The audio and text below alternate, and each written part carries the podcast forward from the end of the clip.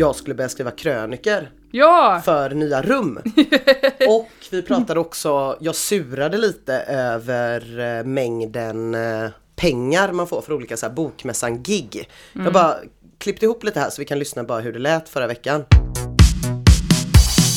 Åtta stycken fakturer att 2000 kronor. Då skickar jag dem omedelbart. Det var väldigt snabbt. För att det är jättetråkigt. Stand-up är ju för dig hör jag ju. Om fyra år kommer du kunna skicka många fakturer att 2000 kronor. Jag fick ett mail eh, om ett krönik- att jag skulle bli krönikör i en Wow. inredningstidning. Wow! Det kändes helt sjukt. Kul! Jag vet, jag blev svinglad. Det låter som att det fanns massa pengar. Ja, jag tänker också Ja. det. Mm. Eh, nu har vi förhandlat då. Detta är en sån Arbetsförmedlingen-podd. På. Och jag ville bara berätta att eh, gaget blir 2000 kronor. Nej! Jo, Nej! jo. Per krönika? Per krönika. Det är fan det sämsta jag har hört talas om. Eller hur? Jag Nej. vet. Eh, och jag, ja, jag sa ja till att skriva en. Mm. Och se om du tycker att det är kul. Ja, Tänker du då så här, jag har ju redan mina tre spaningar om heminredning, krukorna, kylskåpet och detta. Så det kan, de har jag liksom redan skrivit, de kan jag kasta ut för 2000. jag tänker att den första krönikan kanske ska handla om hur eh, rik vi trodde och givmild vi föreställde oss att inredningstidningsbranschen var. Men hur kan de ha så lite pengar när de, i så fall har man fan inte rätt att lägga ut en soffa som kostar 25 tuss. Nej, Eller? nej, Om man inte kan betala sina skribenter. jag läser ju inte den här tidningen. Den kanske innehåller bara billiga möbler. Det kanske den gör. Mm. Det kanske är Ikeas egna. Ja, så det var bara min jag- överraskning att jag har ännu ett eh, ganska skitjobb. dåligt betalt jobb. Vad besviken jag blir. Mm, jag trodde att det skulle vända nu.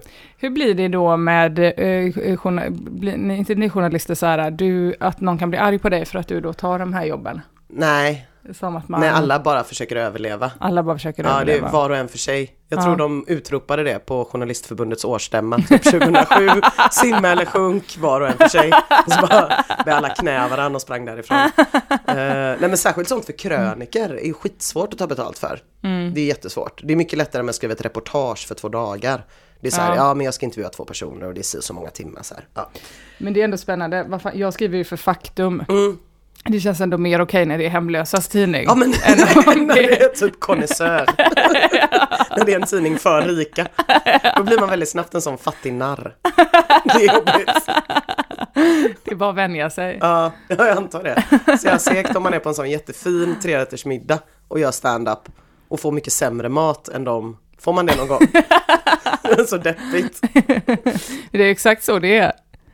På riktigt alltså. Ja, Du, när du uppträder på så Henriksberg, då får du ju äta deras personalmat. ja, Som är kanske någon gegga som någon har rört ihop. Ja. Någon vegetarisk gegga. Odefinierbart vad det är för. medan publiken frossar black and Proteiner. white. Deppigt ändå. Ja men så kan det vara. Man kan köpa sin egen black and white. Nej vänta det kan man inte för gaget är... Man får välja black eller white. Ja, man kan aldrig få båda. Men vad fan, jag ska uppträda på Henriksberg nu på torsdag. Mm. Eh, och då, eh, alltså det är ju så sjukt, man lägger ju asmycket tid på detta. Ja. Bara kommer jag på då. Nu sitter jag liksom och skriver grejer om den här festivalen jag håller på med. Och då sitter jag och liksom skriver, alltså flera timmar om dagen, tittar upp olika grejer. För ett gig jag ska göra liksom, Ah. en gång. Och som du får. Eh, 3000 tror jag jag får. Ja. Mm. Men eh, ja, eh, fast man gör ju så hela tiden. Hankar runt, vevar runt, för att man vill ju använda materialet en gång till. Men det är det som är så tråkigt, att det är så otroligt mycket man får kasta. Ja. Man skriver 10 minuter, kanske det är en minut som går att behålla. Eller för mig är det så i alla fall. ja, men för det, vi har ju varit på stand-up. ja, just det. Eh, ja, Mm. och, och då, det var ju en helt sjuk upplevelse. Just fan ja.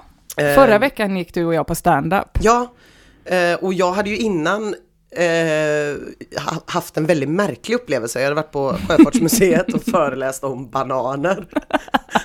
och det kom bara människor i 160-årsåldern eh, som alla hade jobbat på bananpiren. De hade, lite, de hade mer att säga. Ja, och på tal om att återanvända material då, så hade jag ju, eh, har jag haft en presentation på bananpiren innan för lite en lite yngre publik.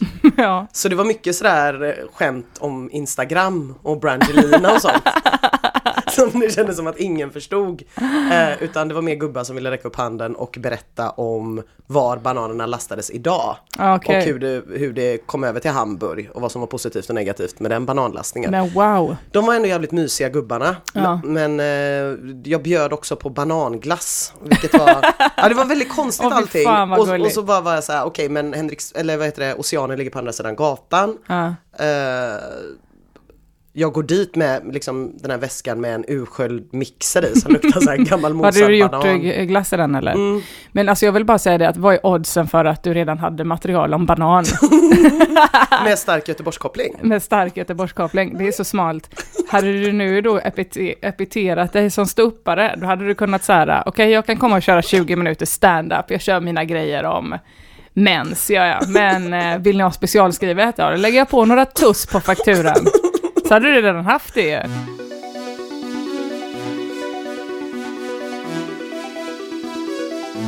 Jag var och kollade på Nour El Refais föreställning, Ja. En komisk depression. Sen kom jag och mötte upp dig. Mm. Den var jättebra. Ja, jag stod, stod i, ehm, i baren där och tryckte lite och tjuvlyssnade på folk. Mm. Eller först när jag kom så kom jag inte in för det var en kö. Och i egenskap av att inte vara från Stockholm så vänder ju jag om det är en kö. Då tänker jag, här var det fullt. Och så går jag. Så då gick jag in och satte mig på restaurangen och drack en öl. Eh, och sen kom jag tillbaka när det inte var kö. Ja. Och då gick jag in på ett värdigt och fint och trevligt sätt. Hade det börjat då redan? Ja, eller? då hade det börjat. Jag tror att det kanske var den andra eller tredje. Eller Okej. kanske, kanske att det var den första för kvällen. Ja. Eh, och då började det. Och jag, den initiala chocken var ju över hur fruktansvärt mycket människor det var. Var väldigt mycket människor. Du sa ju också till mig när jag, när jag kom, så sa du, Emma det här är djupt obehagligt. Det är första gången jag är i Majerna på ett ställe och inte känner en enda person. Men precis så var det ju. Det var jättekonstigt. Jag har aldrig varit med om det, att man går rätt in någonstans liksom. Eh, om, ja, om det bara är några stycken, men att det är så mycket folk och det är inte ens någon jag känner igen. Nej, Det är bara främmande 22-åriga ansikten. de var väldigt unga ja. De var det. Och så tänker jag, när jag var 22, hade jag gått på stand-up? Nej, det hade jag inte gjort när Nej. jag var 22. Ehm, även om det låg i Majerna. Så det var mycket att komma över där, det var ingen låst garderob, alla hängde bara sina jackor på en ställning. Det är väl ingen som snor, tänkte de. Jag började direkt tänka på hur Vad lätt det var att sno dem. Det var bra att du hade med dig en stor väska. Ja, en väldigt stor väska med bananklet i. Eh, som luktade pensionär. Och så, eh, ja, men sen, och, och så kände jag mig dum då. Som inte skrattade så mycket som jag kände att jag borde. Eller jag skrattade inte lika mycket som alla andra. Nej, men de hade ju också druckit tusen öl får du tänka dig. Och tänka hänger det. där varje vecka. Ja. Jag tror att de mycket är 22 på det stället, för att de som driver det är ju tre eller fyra killar som också är 22 Mm. och som har blivit så här lite älskliga. Eh, sådär, så att de där återkommer hela tiden, den där publiken, tror jag. Nu hittar jag på, jag vet inte. Jo men jag det kändes så. Det kändes som att alla, det var mer som att komma in på en klubblokal. Det kändes väldigt Mm. internt liksom. Ja, Eh, inte jättemycket kopplingar till världen utanför. eh, och så var det, men det var också rätt mycket tjackisar, var det inte? var det? Jag såg inga Jossan tjackisar. berättade i efterhand att hon hade sett några, du vet, att de, några som bara så brölar rätt ut. Och eh, har svårt att hänga med. De och så. kanske jag kände. Skratta fem minuter efter punchlinen. och då tänkte jag också, vilka 22-åringar tar tjack? Ja, men i Göteborg. tänker det jag. Mm. Vi, är ju nå- vi har ju VM i schack här. vi är världsledande på riktigt fult kletigt amfetamin från Polen. Ehm, Jaha, var det tjack-VM? Mm, ja, nej, vi har Så kommer man med sina pjäser och tror Ja. att det ska Jag tror det. pågå ens favoritnördsport. Men så är det tyvärr. Nej, Men ja, här ska, det, här ska det snortas från pattar vet du. Det ska inte flyttas någon bonne. Men det Ja. var jätteskönt när du kom. För då kände jag mig inte lika, då, då kände jag att här, här kan jag få vara nu. Ja, Här står jag med min mixer men eh, här står jag med Emma. det var heller ingen som erbjöd två gamla tanter att få sitta ner, Nej. eller hur? Vi hängde ju i baren. Nej, vi, Det var också jättekonstigt för mig att vara på stand-up. För jag är ju aldrig på stand-up från det hållet, såklart inte. från publikens håll. Nej. Det kändes märkligt. Men vad tyckte du då? Men jag kände ett jätteansvar över att jag var tvungen att skratta hela tiden, för att jag blir nerv- alltså, jag menar ett socialt ansvar. Mm, Kanske för att jag är tjej också. ja. Ja, jag kände det sociala ansvaret så. med. Men Och så jag- samtidigt kände jag mig också taskig. När man hörde alla skratta och man själv så Ja. inte ens kunde bjuda på en liten sån Ett litet sån Ja. Utan jag tänkte, inte kul, kan kom- inte skratta. Jag kom ju efter pausen också. Ja, Men, eh, så jag såg inte alla. Men, eh, och så kände jag också ett ansvar så här, egentligen vill jag bara prata med dig. Men så kände jag så här, nu får jag inte det, för det är superokollegialt om jag ska stå här och babbla. Det är det värsta jag vet själv när någon gör. ja. Jag står här och babbla. Så du ville liksom uppföra dig som en bra stand-up-publik? Ja, det vill jag. men jag kände ett väldigt tungt ansvar. Jag luktade mycket gubbe när jag kom hem, fast jag hade svettats så mycket av ansträngningen att uppföra mig. Jag tror också det var för att du hade stått bredvid mig som hade marinerats i gubbe på Sjöfartsmuseet. Eh, och så var det ju bara killar på scen. Mm, Och sen var det Jossan. just det. Eh, och hon var ju, hade ju en annan eh, Man såg ju att hon hade ju lagt ner mer energi och tid. Typ hon sjöng, hon, man märkte ju att hon var mycket mer rutinerad än någon av de här killarna. Mm. Eh, och hon var bara oerhört jämn och bra, Mm. liksom, tyckte jag.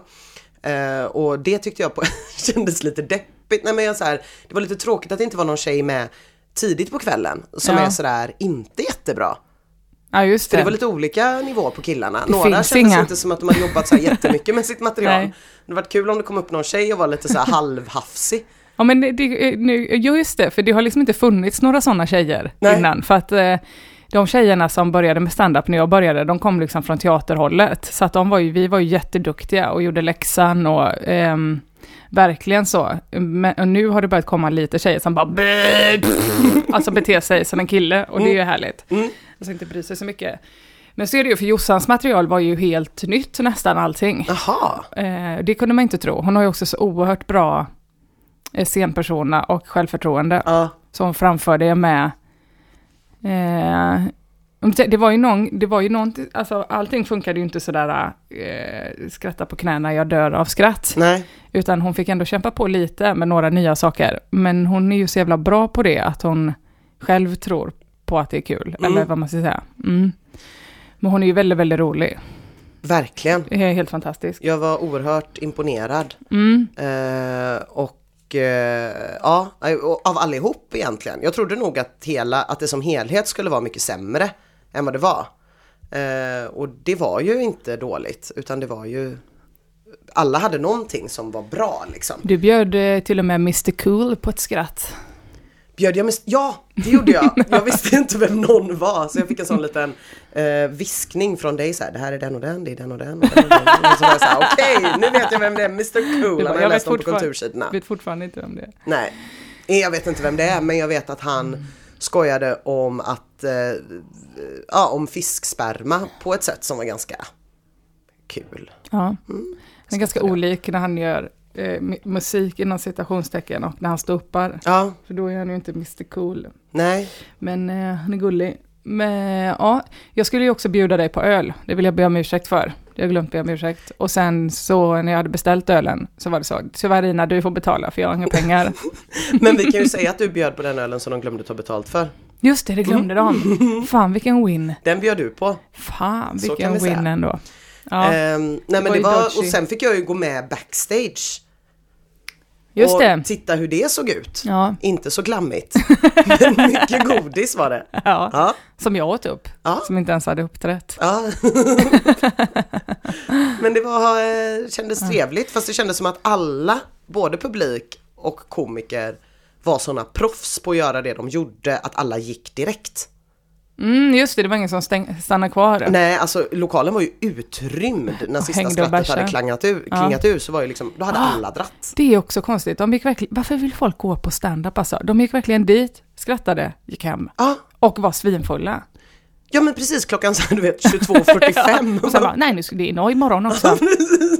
Supa ner sig riktigt hårt Det är mellan ett- 20 och 20, 22 och sen gå hem. Det är ett mysterie. De, eller gick de vidare? Är det någonstans de går som inte jag vet om? Finns det fler stand-up grejer i närheten? Nej, Nej. jag vet inte. Ja. Nej, fan vad märkligt alltså. Men det är ju kul, men just det du säger med Jossan, eh, att hon eh, var så himla bra och så, så tror jag att det är så, om vi bara ska prata lite om tjejer i Mm. yrket, det kan vi prata om hur länge som helst, men eh, tjejer måste ju oftast vara liksom dubbelt så bra Ja. för att ens vara med överhuvudtaget. Mm. Ehm, eh, så så är det ju mycket. Och sen eh, tänkte jag också på det här med hur man, alltså, eller om man bara tänker så här varför det finns så få tjejer som håller på med stand-up. Nu blir det ju fler och fler för att vi börjar bete oss lite mer eh, som killar alltid har gjort och bara Bäh! Eh, men, men, men det tror jag att vi sa, att, så här, att göra stand-up är det obehagligaste som finns. Både för en själv och för publiken. Och då har vi ju lärt oss himla mycket att inte vara obehagliga.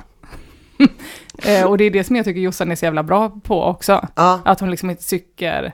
Jag är ändå så här, när jag står upp så är jag medveten om att jag är obehaglig. Det lyser igenom i ögonen på dig. Ja, men hon tycker liksom inte det. Ehm, ja, men och så tänker jag också så här att man blir så himla dömd efter, efter hela könet. Mm. Typ som om, det hade, om Jossan hade sugit den kvällen. Ja. Så hade det kunnat lika gärna vara så här, nu har vi test, nu är de grymma som har den klubben, men Ja. på något annat ställe så hade det kunnat vara så här, nu har vi testat det här med att ha tjej, eh, det behöver vi aldrig testa, testa tjej igen.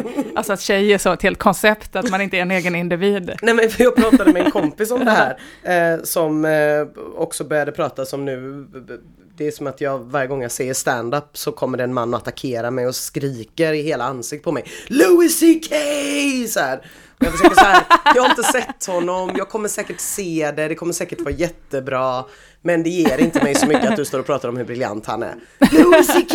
Och så är det igång liksom, det är som en sån trigger Just till män om man säger stand-up, i, i Majorna i alla fall.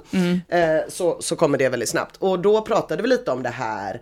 Eh, och han hade varit i USA och sett en del stand-up och just att så här, ja men om man om det är tjejer så blir det hela tiden att så här det blir tjejgrejer de skämtar om, läs mens.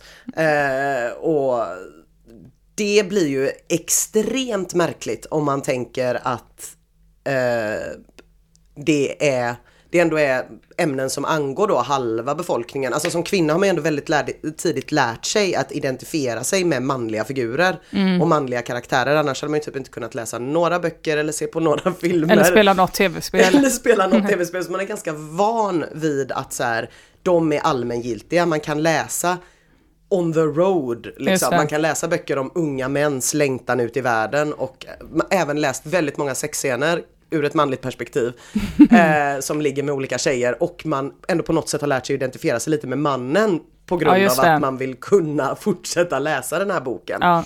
Eh, och det har ju män aldrig lärt sig så för dem blir det ju mycket mer att så här, ja men det här är ju en det här är ju liksom en subkultur, tjej, som jag inte förstår. Som jag inte alls förstår. Nej. Det är jätte, jätteroligt att man är så ex extremt eh, tydlig Ja. med olika saker så här. Hämtar du på dagis klockan 16 idag då? Jag fattar inte vad hon menar! Vad är det hon vill att jag ska göra för någonting? Orimliga krav på den moderna mannen. Eh, nej. Måste jag läsa in någonting här? jag menar bara, kan du hämta klockan 16? Hybrids on the stage, come on let's meet at a club. Jag vet inte om jag någonsin har hört en man, en manlig komiker nämna en kvinnlig komiker som sin favoritkomiker. Nej. Det Nej, skulle vara spännande om det finns någon där ute. om det finns en man där ute som skrattar åt tjejer, Just det, eller med tjejer får man väl säga då. säg hej. För det finns jättemånga män som skrattar åt tjejer på jätteobehagliga sätt. Fota dem, fota deras rövar och så. Det är inte det vi tänker på nu. Nej men det är jävligt intressant, men att det där ändras väl också då, att, i och med att tjejer också har börjat gå på stand-up. Mm. Eh, och så. Och att eh, tjejer börjar tipsa om, om någon frågar mig vilka mina favoritkomiker är, så säger jag ju bara tjejer. Ja, Men det, kanske, det har väl också med att jag äntligen har någon att identifiera mig med, ja, på något sätt. ja. Det är ju en lyx man har fått på äldre dagar. Mm. Att det finns liksom eh, kvinnliga utövare och kvinnliga huvudpersoner i böcker och sånt. Det är kul ju. Mm. Det märker man ju, märker man ju när man tittar på, på barn det. och så, att de så här lyssnar på tjejartister. Även killar, berättade min dotter. Så att alla lyssnar på Sara Larsson, killarna Ja, också. mm. Tänker jag, det hade aldrig Nej, hänt när jag var Spice liten. Girls. att en kille lyssnar, det liksom fanns inte. Never Utan det fanns ever. ett tjejband och det var Spice Girls och sen Ja. var det bara män. Det är ändå positivt att det håller på att hända någonting. Ja, så man slipper lajva det. man för att kunna tillägna sig kultur. Men jag tror också att man som tjej är mycket mer så här, eh, ja, men dels att man får en chans, men att man kanske bara ger sig själv en ch- chans också. Mm. Att det är därför eh, tjejer måste vara dubbelt så starka i sitt material på något sätt. Ja. För att det är så här, ja men nu har du testat en gång, eh, det funkar inte. Eh, och så känner man själv då, ja men då testar jag aldrig mer igen. Medan kille bara, det var publikens fel. det, var, superdålig publik. Jag Mamma testar har igen. sagt att jag är ett geni. Och Då är igen, jag det. igen. För jag vet inte någon tjej som är, alltså jag, på riktigt vet jag inte någon tjej som är riktigt dålig men ändå bara fortsätter harva fram. Jag kan inte komma på någon nu i alla fall. Om du finns är du min hjälte där ute. Medan killar bara, det här löser sig nog snart. mm. Jag tror inte ens att de reflekterar över att det kanske är de. Ja, men ehm, jag, jag, skulle uppträda i Göteborg en gång. Man är ju oftast ensam tjej på en kväll. Det där börjar förändras också. Eh, eh, lite grann. Ja, men typ som att Jossan var ensam tjej nu i onsdags. Och då är de ändå väldigt duktiga på att boka, alltså tänka på det. Mm. Men eh, jo, det var en kille som öppnade en standupklubb på Bio Roy. Eh, och så skulle han, så var det så här, Tobias Persson, Martin Soneby, Robin Paulsson. Och sen i kanten hade han skrivit jätte, jättelitet så eh, i liksom eh, lodrätt plus kvinna. och det var jag. och då, det var ju fint, det var väldigt fint tänkt egentligen. För att det var ju så här, jag vill visa att jag, jag minsann också har tjejer på min scen, det har jag.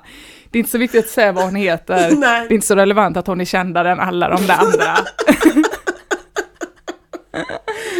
Åh, vad sjukt. Ja, det var så jävla sjukt. Ah. Den fick lägga ner den klubben.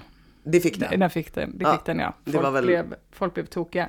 Men det är så pinsamt, det är ungefär som, eh, har du sett den här Dove-reklamen som går nu? Nej. så är det för, alltså det är helt, jag trodde det var ett skämt först, då är det först eh, en liksom mörk, mörkhyad kvinna. Eh, eh, som sitter, och sen så smörjer hon in sig i Doves tvål och då drar hon av sig huden och blir vit. Som att hon liksom tvättar. Och jag såg det på Instagram och jag bara, alltså hur kan liksom Dove inte veta, eller Nej. hur kan en sån här ståuppklubb 2017, hur kan man inte veta att det här är superrasism, alltså det här är liksom, Men gud, det är helt sjukt. Det är helt Det är så jävla sjuka saker. Jag lämnar ju Majerna för lite hör man ju. Även på internet. För sånt här ser ju inte jag. Sånt här hör ju inte jag. Jag tror ju bara att det är så Jag här. tror till och med jag fick upp den som en sponsrad post. Ja. Och jag, jag tror att deras ursäkt sen bara så här, förlåt, Eh, vi tänkte inte. Och bara, de måste ju ha en PR, alltså de måste ju ha PR-folk för flera miljoner kronor. Ah. Nej, helt sjukt Men det, sånt där händer i alla fall. Ja. Eh, det är skoj ju. Eh, jag tänker också så här att även om man som tjej är, håller på med stand-up och sådär, så är det så jävla många som inte pallar. Jag pallar ju inte till exempel längre heller riktigt, eh, och vara på vissa ställen. Därför att man också måste så gå med på eh, snubbarnas kultur Ah. på något sätt, som är så jävla... Det blir ju så när man är undantaget hela tiden, jag när man är så vet. en eller två tjejer Ja. och tio killar. Eh, och det är ju så jävla tarvligt alltså att vara ute Mm. på en turné eh, när någon så ska visa röven i Polen typ. Det tycker jag ju också är svinball. ja, men det är mycket roligare om man är fler än en tjej. Alltså- Men det blir lite konstigt när man är så en tjej Mm. som inte riktigt... Nej men jag, alltså jag är verkligen så här så jävla det där gör ont, det där ger mig ångest typ. För jag har själv under en sjukt stor del av min uppväxt typ, Ja. en alldeles pinsamt stor del av min uppväxt gått runt och gottat mig åt att vara den enda tjejen Ja, i olika precis. grabbiga sammanhang och varit så här, Ja. jag får vara med och Ja. typ haft den här inställningen, nu pratar vi om att jag är typ 18, 19, 20 kanske, men det är ändå fruktansvärt pinsamt. Typ. Man är på en fest med så här 20 killar och jag och någon tar med sig sin flickvän som ingen givetvis pratar med. Och då har jag ju känt så här, varför ska jag prata med henne bara för att jag är tjej? Hon får stå där tyst. Jag tänker inte typ ta något ansvar bara för att jag är kvinna för att hon ska det bra. Det enda vi har gemensamt är vårt kön. Man bara, med ditt jävla ollon typ. Ska du bara bli ett jävla svin bara för att du umgås med massa svin liksom? Är det viktigare att de tänker att du typ är en tjej som absolut aldrig skulle ta en kvinnas parti gentemot dem. att du aldrig någonsin skulle våldtäktsanmäla om du visste att någon av dem hade gjort något. Är det viktigare än att bara vara lite trevlig någon gång emellanåt? Ja typ? men det är det som är så sjukt för att det är ju det finaste eh, man kan eh, få vara, eller när, Ja. alltså, när vi var kids, att man var en av grabbarna. och att man då var tvungen att vara Antingen vara som en grabb Mm. eller eh, bli så supersexualiserad att det bara fanns två alternativ. Ja. Att antingen typ fladdra med pattarna eller v- vara en sån som käkar sniglar på rasten typ. Så jävla deppigt. Det är så och bara jävla veta deppigt hur ja. mycket jag har gått runt och myst åt Ja. den jävla rollen i så jävla många år och bara varit så här, Men jag har också varit sån. Mm. Alltså i, i, även i standup-världen, bara för att få så här, klamra mig fast och få vara med Ja. och visa typ så här, jag tycker också det är kul att skämta om så, blä, Ja, precis. eh, sådana grejer. Men jag orkar fan inte det längre alltså. Nej. Och vara med på deras jävla skitpremisser. Nej för det är ju också jättemycket, även om det är så att man tycker att det är kul, det är roligt när någon visar röven, det är ju inte det liksom. så är det ju ändå mest att så här, man inte vill sitta och typ vara ett alibi och en bekräftelse som sen kan användas typ, nej Ina tyckte det var roligt. Typ, Ja, just det. Fast Oj, alla tycker inte det. Jag tror det är några musiker som spolar ovanför oss. Det får vi leva med. Kan gissa vad de har ätit. Musiker. Turnésoppa. Nej men fan vad deppigt det är alltså. Mm, det Det är måste det. ju finnas något annat sätt, eller hur? Ja. Och jag, jag tror det enda sättet är att vi blir lika många tjejer som killar. Det tror jag med. på att, det, på att det där ska förändras på något sätt. Också Ja. så här i publiken. Jag gjorde ett program som hette Hårdvinklat en gång på TV3. Mm. Det gick, jag vet inte, väldigt få säsonger. Eh, och det var ett satirprogram och det var så jävla ball att göra det. Dels så här för att det var aktuellt att om man spelade in det och så sände man det typ två dagar efter. Och att det fick vara lite smart, typ. Mm. Det är inte så mycket på tv som får vara så smart. Men sen så var det också hälften tjejer, alltid i panelen. Det var alltid en kille mer för att Kristoffer Appelqvist eh, programledde. Men det var så jävla gött att veta att jag hade alltid så här Nor eller Annika Lantz eller någon annan brud eh, som bekräftade, alltså som kunde så här, ge, skratta åt ens skämt. Ja. Det var så jävla gött Ja. att slippa känna sig som undantaget typ. Ja.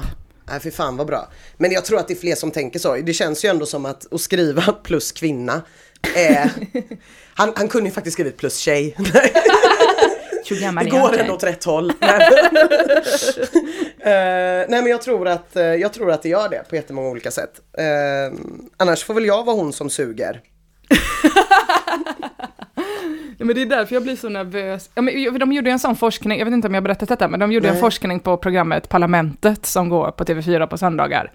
Eh, Så var det eh, en tjej som bekräftade det som jag har känt på mig alltid, men inte riktigt kunnat sätta fingret på. Och då forskade hon på alla avsnitt som någonsin har sänts, och så visade det sig att eh, i det programmet så skratt Alltså kvinnornas roll, det är jättemycket att skratta åt männen och bygga upp dem och liksom, det var kul sagt.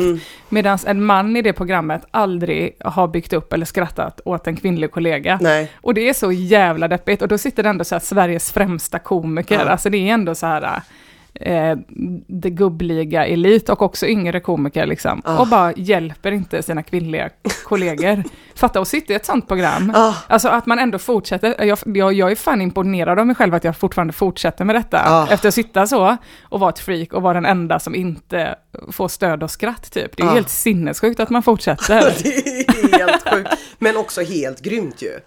Ja, och det är därför jag tror också, eh, apropå oceanen, att jag får en sån här, jag måste skratta, jag måste stötta, Ja. jag måste, för att vi har, vi har för fan lärt oss det där sen, sen vi var en timme gamla typ. Ja, ja, ja, gud ja. Och så här hjälpa till i sociala... Jag skulle kunna tänka mig att jag har ägnat typ tre år av mitt liv åt att skratta åt män. Nu ska det bli tvärtom. Nu ska det bli tvärtom. Skratta Mm. gärna om du är man.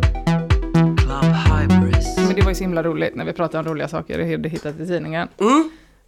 Och så fick du uppgift att, Ehm, att skriva, ja, stå upp komik mm, på ehm, hur många gånger kan jag omarrangera? Penna, snusdosa, papper, mobil. Inte jättemånga gånger till känner jag. Eh, på, eh, det, var många teman som var uppe, till slut fastnade jag för en bild med en man som bar en bluetooth eh, i sitt öra. just det, det var den du valde. Det var den Men jag valde du inte en till bild? Nej, Nej, du valde bluetooth. Det, jag valde bluetooth och har nu vi- kanske ska prata om processen efteråt. Är det, är det en bra uppbyggnad för ett skämt att jag berättar om hur dåligt jag har mått när jag har försökt komma på det här? Ja, det tycker jag. Mm, då börjar vi där. Eh, jag har mått fruktansvärt dåligt eh, över det här nej. i en vecka nu. Nej, och du vet ska inte behöva må var dåligt. man ska skriva. Dels vet jag inte var rent fysiskt man ska skriva. Jag antecknar ju väldigt mycket i sms fast utkast. Ja. Det är väldigt Aha. dåligt. Det är jättelätt att man skickar iväg dem. Så nu har jag ett så här fem sms långt så det har omkonverterats till Wow. MMS. Varför skriver du inte i anteckningar? Eh, för Som de en blir normal bara människa. fulla och så hittar jag dem inte och så tänker jag att jag inte gör något åt Mhm. dem. Så nu har jag här till en person som jag ville intervjua i förra veckan men som aldrig har återkommit. Så har jag en osammanhängande fem sms lång harang eh, med olika stickspår och olika ord. Men vadå, så du måste, men det där känns jättekomplicerat att du måste skicka det till en människa. Nej, jag måste fast du måste lägga det i utkast. Nej jag måste ju inte skicka det utan jag skriver det Ja. och så, Och så ligger så. de i dina sparade Så sparas den sms. som utkast. Alltså exakt som anteckningar. Ja, förutom att det finns en liten sån rysk, Rysk. rysk roulette-faktor. att man kan skicka iväg jättekonstiga sms till folk. Ehm, där har jag försökt skriva. Där har jag skrivit när jag har kommit på grejer. Sen har jag även igår mådde jag så dåligt. Jag mådde så dåligt. Jag mådde så dåligt så jag gjorde en mindmap. ja! Vad är nu en mindmap? Är det när man gör pratbubblor Ja, det är med jag pratbubbla Från och sen så kom jag fram till efter att ha gjort fyra bubblor. Men vad fan, det är ju helt genialiskt ju. Nej, det är världens sämsta system. Varför gör inte jag så? Ja men för att det, man gör ju bara en mindmap när man inte vet vad man ska Kolla den är väldigt halv. Bluetooth. Ja, Jag tyckte det var svinsmart. Ja, jag tänkte Ja. de olika tankarna jag hade om bluetooth och så Ja. funkade inte det. För att jag hatade mig själv så mycket för att då var det ju inte A att jag satt och skrev humor och B att jag gjorde en mindmap. Men mindmap är ju Dubbelhat. skitsmart. Jag har aldrig gjort en mindmap, men det är ju jättebra att ta ett ämne, när du har ett ämne, bluetooth, Mm. och sen så att man bara skriver ner allting man kommer på med det. Ja, Alltså att man breddar ämnet så mycket som möjligt. precis. Och sen så kan man välja en av de grejerna bara ju. Ja, exakt. E- Eller många. Eller många, Och ja. Eh, det, det funkar ju inte heller är det då med mindmap. Så steg tre blev ehm, Det är ju svinsvårt att börja med bara bluetooth. Steg tre blev ehm, Åh, du fick inga verktyg för detta heller. Du får Jag ser titta inte på var dina egna. någonstans. Eh, A4-pappor, papper. Mm, bara med helt vanlig text. Wow. Ehm, och så läste jag, som jag skrev på datorn, och så läste jag det och det blir ju då inte talspråk utan skriftspråk. Mm, det blev en krönika till Hem och hus. Det blev en krönika till hem och hus. Så det funkar ju inte heller. Ehm, Åh, du har så mycket papper med dig här. ja, det är ingen, de här var ju för sig till helt andra saker såg jag nu. Det här är för Svenska designpriset som jag ska vara konferencier för.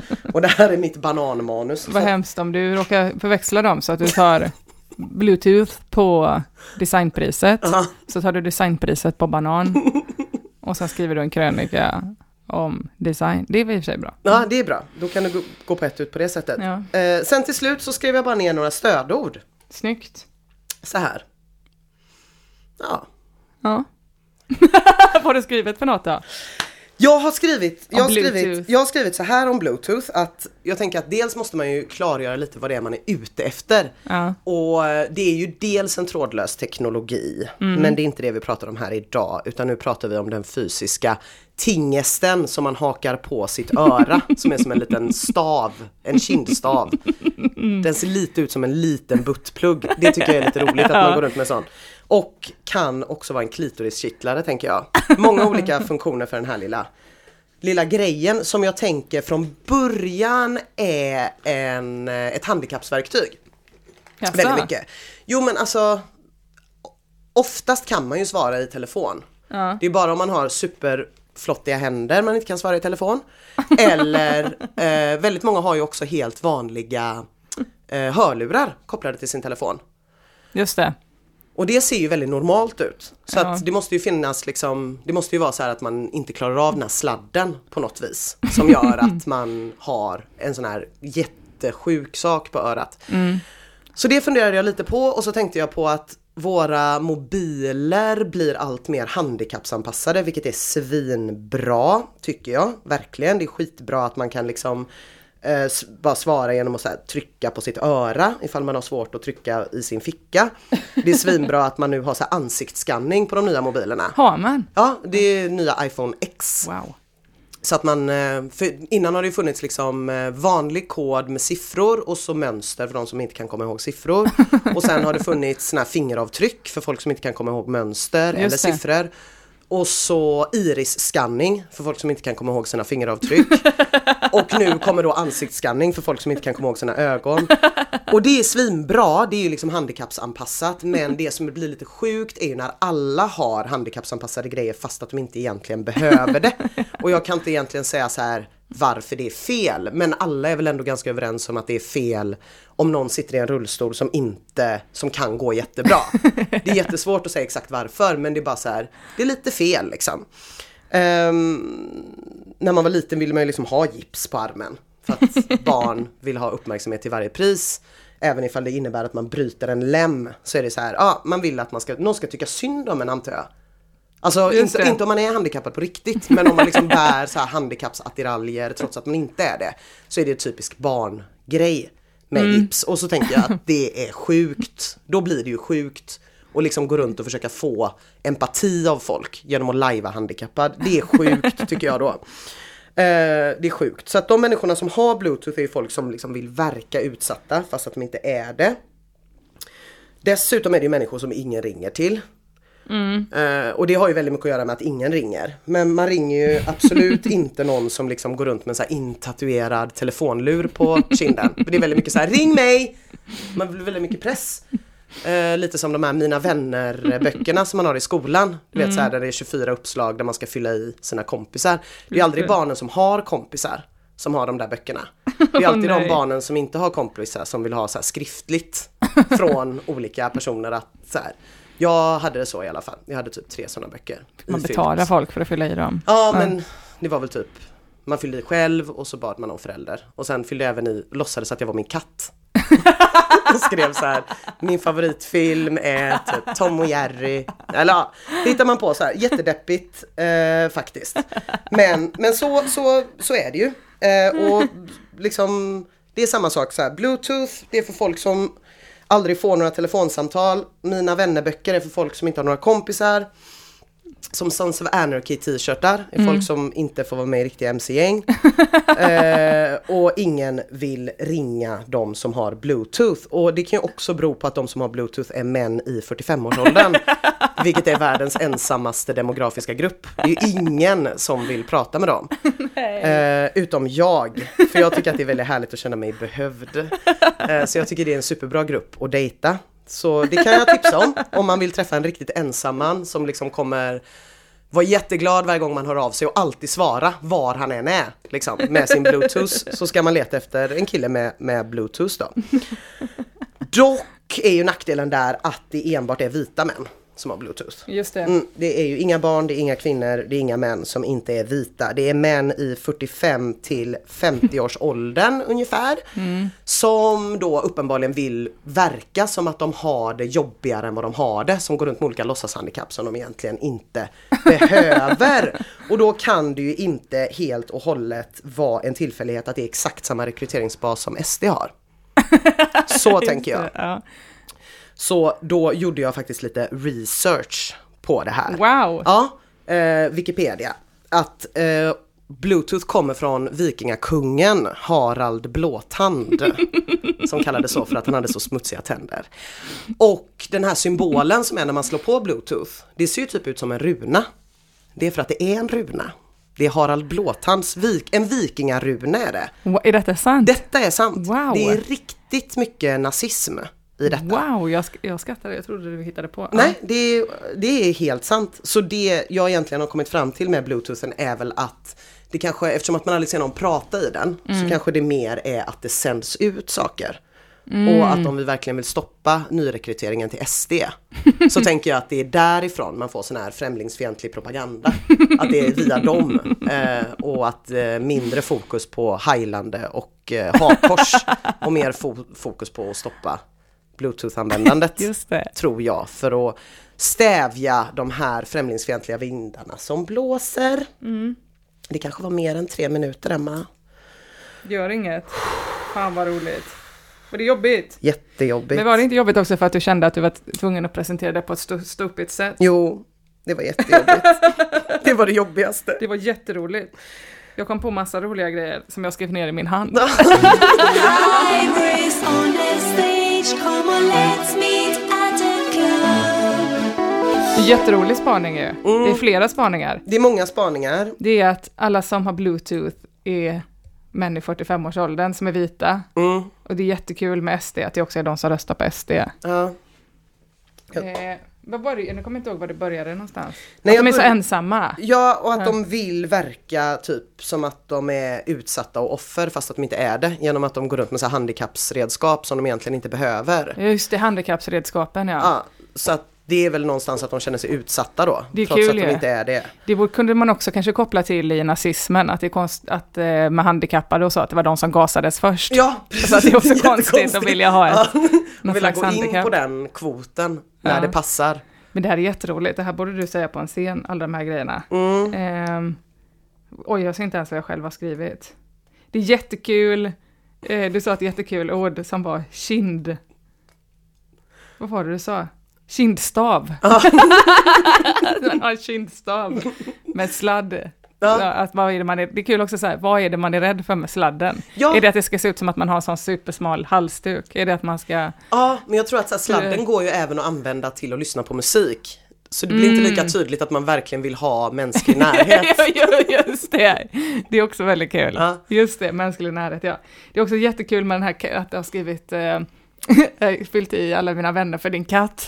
Att man skulle vilja veta mer vad du skrev. Så här, favoriträtt, kattmat, favoritfärg, ser inte färg. Jag tänker att det är igenkänningshumor. Ja, Att alla har, ensamma har sådana. Det är ju aldrig en sån bok som har blivit ifylld till sista sidan. Nej, det är det inte. Nej, Det är det faktiskt inte. för att det är ingen som har 24 vänner skaffar en sån bok. De Nej. leker istället med sina kompisar. Och de jag. som har bluetooth borde verkligen ha en sån bok. Ja, de, borde ha så. de vill ha skriftligt. Intressen, bluetooth, Jag tänkte också lite technology. på, på att den personen som hade så här mycket privilegier och hade en bluetooth hade så mycket privilegier att det liksom sprutade ut ur öronen på dem egentligen. De hade det så förspänt så att det liksom kladdade ner bluetoothen och att de så här torkade av den varje kväll och la bluetoothen i en liten liten så här mahognysäng på, på sitt nattduksbord som de hade byggt med rotavdrag. Och sen så kom det en så här pytteliten städerska och bäddade ner bluetoothen med rutavdrag eh, med så här silkeslakan varje kväll. Och sen när bluetoothmannen vaknade på morgonen så liksom tog han på sig bluetoothen och skrek något om jävla invandrare. Till ingen. Det måste du skriva ner. Det är jätteroligt. Det är Mm. Jag skrev ner det men jag hoppade över det nu för att jag blev så nervös. Det var jättekul. Istället för en liten thailändsk flickvän så har man en bluetooth som man Den bäddar är ner, men också ger så ett, ett knytnävsslag. Så, åh, förlåt, förlåt. Har man sin bluetooth. Det är också jättekul det här med att det är, nazi. Alltså varför har man döpt det efter Harald Blåtand? Ja, Det är ju nej, helt sinnessjukt. Nej, men, och det är också helt för att när jag läste om detta då så stod det att det var för att Harald Blåtand var känd för att han kunde kommunicera så bra med olika människor. Fast det finns det ju ingen täckning för alls. Så att jag tänker att det bara är nazister som Just vill vikingamysa. Och de som har det kan inte alls kommunicera. Nej. Vilket också är kul om han var så bra. Det är ett tecken på att man verkligen inte kan kommunicera eller ta något socialt ansvar. Nej. Man har bluetooth. Det är också kul om det är att man vill att det ska se ut som en halstatuering. att man har en bluetooth. Det är väldigt bra. Ja.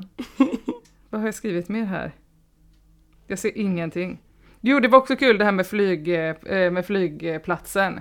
Och eh, om att, att man har rullstol. Ja, Att det liksom är att det liksom inte funkar. Eh, eh, På flygplats kan man ju ha det, en rullstol, för att man liksom vill att någon annan ska köra en till. just det. Eller att man typ vill handikappsparkera och så. Ja, Och så tänkte jag också på något annat sånt handikapp, förutom bandage, det var ju att man hade så, att man ville jättegärna ha en tandställning. ja Det vet jag inte om det är allmängiltigt. Ja. alla har vi varit där.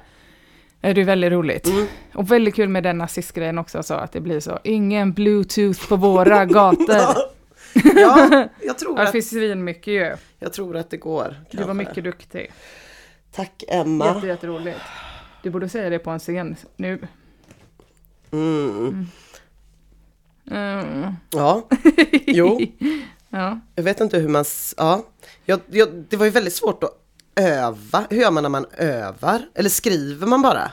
För det här med att skriva tyckte jag var jättesvårt Ja. ju, uppenbarligen. Ehm, Har du sållat något när du har skrivit eller har du bara skrivit ner, alltså har du skrivit ner ditt bästa eller har du? eh, nej, jag tog med allt Ja, som jag skrev igår. Men, och jag är så varm i ansiktet nu. Ehm, utan man tog bort, jag tog kanske bort nå- några grejer sådär.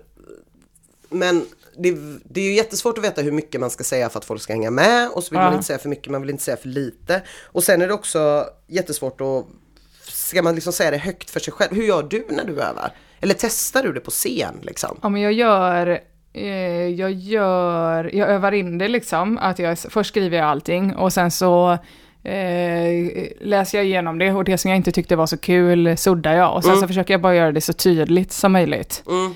Eh, som nu när jag försöker skriva någon slags grej om den här festivalen som jag håller på med. Titta på torsdag, då försöker jag bara säga hur mycket information är det jag behöver vara med, ha med för att folk ska fatta vad det är jag pratar om. Ja, Och hur mycket information behöver jag för de som inte vet om eh, någonting om den här Mm. festivalen? Vad behöver, hur mycket bakgrundshistoria behöver jag berätta?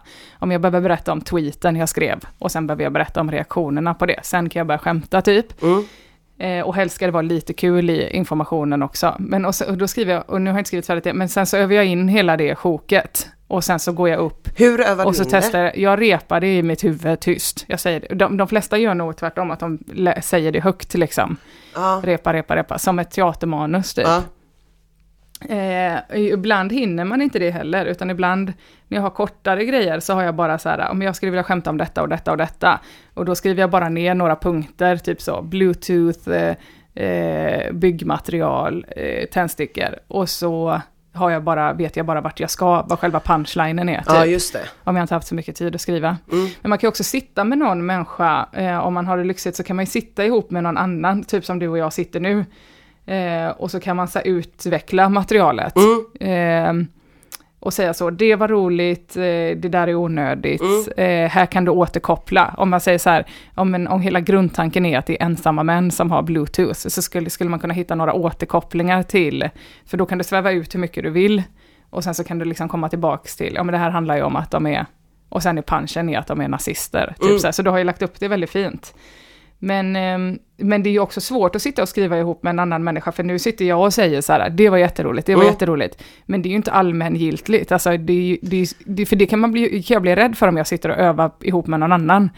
Ehm, att den liksom stryker grejer som egentligen är roliga, fattar du? Mm. Ja, det är klart. Så egentligen vet man inte, jag gillar nog mest att testa det på en publik först, och sen Ja. går jag hem och stryker Ja. och skriver om. Och för då, ibland- ja, just det, då ser man ändå en större massa reagera på det på något Ja, vis. precis. Så en grej, min festivalrutin på torsdag kanske kommer vara 10 minuter, men i slutändan kommer den nog kanske vara två minuter. För då har jag bara sparat det bästa. Mm. Mm. Och ibland lyckas man skriva en rutin på direkten som funkar i sin helhet, som man kan köra om och om, om igen. Mm. Så det är superolika det där. Mm. Men då spelar jag in mig själv och så lyssnar jag, vad var det de tyckte var roligt? Och sen så kan jag ibland också så här, eh, oj hur kan de inte skratta nu? Det här tyckte jag, det här skrattar jag jättemycket själv åt när jag skrev, hur kan de inte skratta? Och det, när jag lyssnar på det så kan jag höra så här, ja men jag har inte berättat tillräckligt mycket info, information. De fattar inte vad det är jag berättar om här, vad det är vi står och skämtar om. Eh, jag berättade inte att grundpremissen är att eh, män i 40-årsåldern är ensamma. Nej. Så här, jag glömde berätta det och då är, det är därför de inte skrattar, för att de hänger liksom inte, de hänger inte med. Nej. Nej, men jag fattar. Och så också det som du var inne på en annan gång, eh, som ju blir aktuellt när man är på en scen antar jag, att det kan bli att det inte kan bli tillräckligt tyst eller det kan inte bli tillräckligt mycket paus för skratt utan man pratar som att det roliga kommer hela tiden för att man bara vill fram. Sen Ja, det så roliga det. kommer, det här är bara bakgrund, det roliga kommer och sen är det slut och så Just är man så här, man har inte tagit någon liksom För det där är risken när man testar något för första gången, att man liksom inte vilar i materialet, för man vet ju inte själv vad som är roligt. Nej. Så det blir det att jag bara står så här, maler, maler, maler, maler, maler, maler. Ja. Och så får jag lyssna i efterhand, så här, vart var det antydan till skratt? Och då kan jag nästa gång säga bla bla bla bla bla bla bla bla, paus, skratt. Nu gillar inte jag så mycket paus, skratt, utan jag gillar att bara mala på. Ja. Men Men vilken svår avvägning, för det var ju, Mm. jag tjuvlyssnade ju mycket där på Pandora och det var ju några som var så här, den och den har 60% samma humor, som, samma skämt som vi där, det är spelningen där typ. Och då är man ju så här bara, shit, sinnessjuk siffra att komma fram till att det är 60%, det var inte hälften, det var 60%. Men också att så här, och någon jo, som hade sett en komiker innan. Ja men jag kan Ja. också tänka så här, om du är en sån nörd så att du åker runt på allt. eh, ja då blir det kanske dubbelt för att det måste ju ändå vara roligare om man har kört det några gånger eller? Ja, det är det ju, för då, framförallt, det är nog inte roligt, men man vet vad som är roligt. Mm. Så att eh, det är ju så man får fram sitt material, genom Ja. att köra det om och om igen. Ja. Och jag brukar göra så här, om jag kör ett längre set, nu på torsdag kör jag kanske 25 minuter, då lägger jag någonting som jag vet är roligt i början, Ja. något som jag har testat förut. Och sen så lägger jag någonting som jag vet är roligt i slutet. Nu, nu säger jag detta fast jag gör aldrig så själv. jag tycker också om när det är lite konstigt och obehagligt. Jag gillar att backa ut från scen på, ing, på noll skratt. Men eh, så kan man göra och så kan man lägga det där som man är osäker på i mitten. Men som nybörjare har man ju ingen aning om. Men då får, man näst, då får du nästan liksom kolla ut så här, vilket tycker du själv är starkast? Mm. Eh, för det är alltid bra att ha någonting roligt i början så att Ja. folk är med en och vill lyssna typ. Mm. Så att man inte behöver vänta eh, i en minut på det första skrattet. nej. Utan man vill gärna ha ett skratt så fort just som det, för möjligt. ens egen skull liksom. Ja. Ja, Men du märkte ju också Fattar. då när de ståuppade att de... Det var, du berättade ju att när du hade sett på SVT-dokumentären om stand-up att du såg att Henrik Schyffert skrev in ja, paus för skratt. Ja. det tyckte jag också, efter att du berättade det, att man såg att komiker, ja, Så här, ja, nu är det paus för skratt, och då fick de ibland skratt, ja, fast för att, för att publiken är med så här, okej nu ska vi skratta. För Mm. så där är det lite också att man måste berätta för publiken, nu sa jag detta, nu är det dags för er att skratta, typ. ja, ja. Det gillar inte jag så mycket. Mm. men, men det är ju så det funkar egentligen. Regelboken funkar ju så. Särskilt alla snälla tjejer skrattar då. Ja, Mycket att tänka på. ja mycket att tänka på. många, hörru. många klimärken på armarna och klia. Du ska få en ny uppgift Dina ju. Oj, mm, ja, Du ska åka till Holland nästa vecka, eller det hur? ska jag. Eller denna veckan ska du åka. Ja, på fredag åker jag. Vad ska du göra där?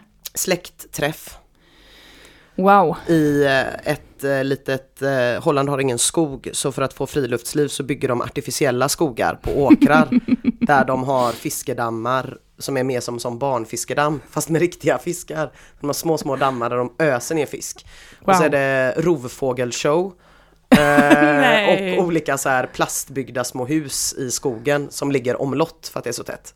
Varför gör de så? Alltså är det så litet Holland? Ja, de har ju ingen eh, nat natur. All natur har de ju tämjt och lagt under sig.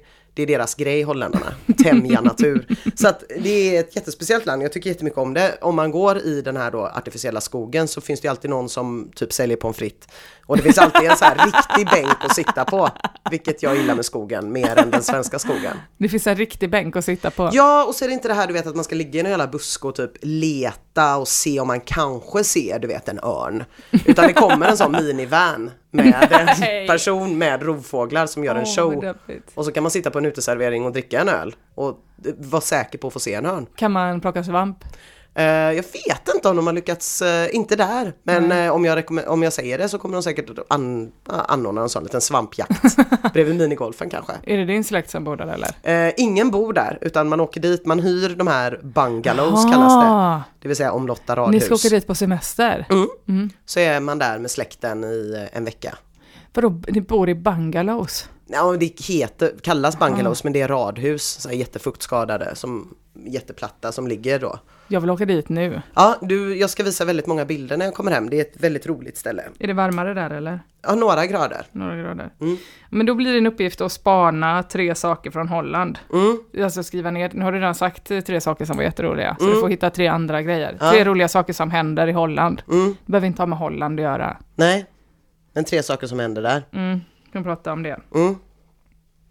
Det blir kul ju. Ja, Mm. Hur känns det inför att stå på scen då? det eh, känns jätte, inte bra. men jag tänker att det är som med det mesta andra, att man får bara, man får lajva bara.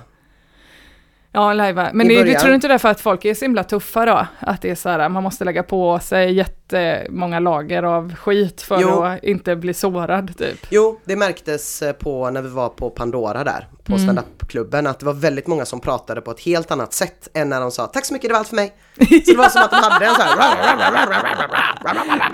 Tack så mycket, allt för mig. Eh, och då blev de riktiga människor en liten sekund. Just och sen, det. ja, det var spännande att se. Men Jag förstår varför då- man gör det. Tänkte du då att de inte var riktiga människor innan? Jo, Alltså det men jag tänkte, nej, för jag tänkte ju inte att när jag pratade med, om jag skulle prata, träffa den här personen i baren så skulle den här personen inte prata så här, tänkte jag Nej. ändå.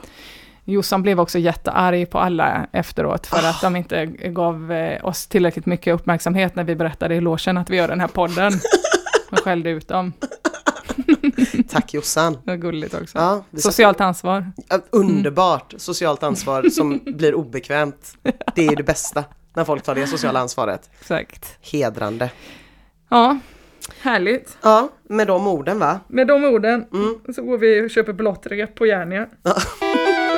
Ha det gott.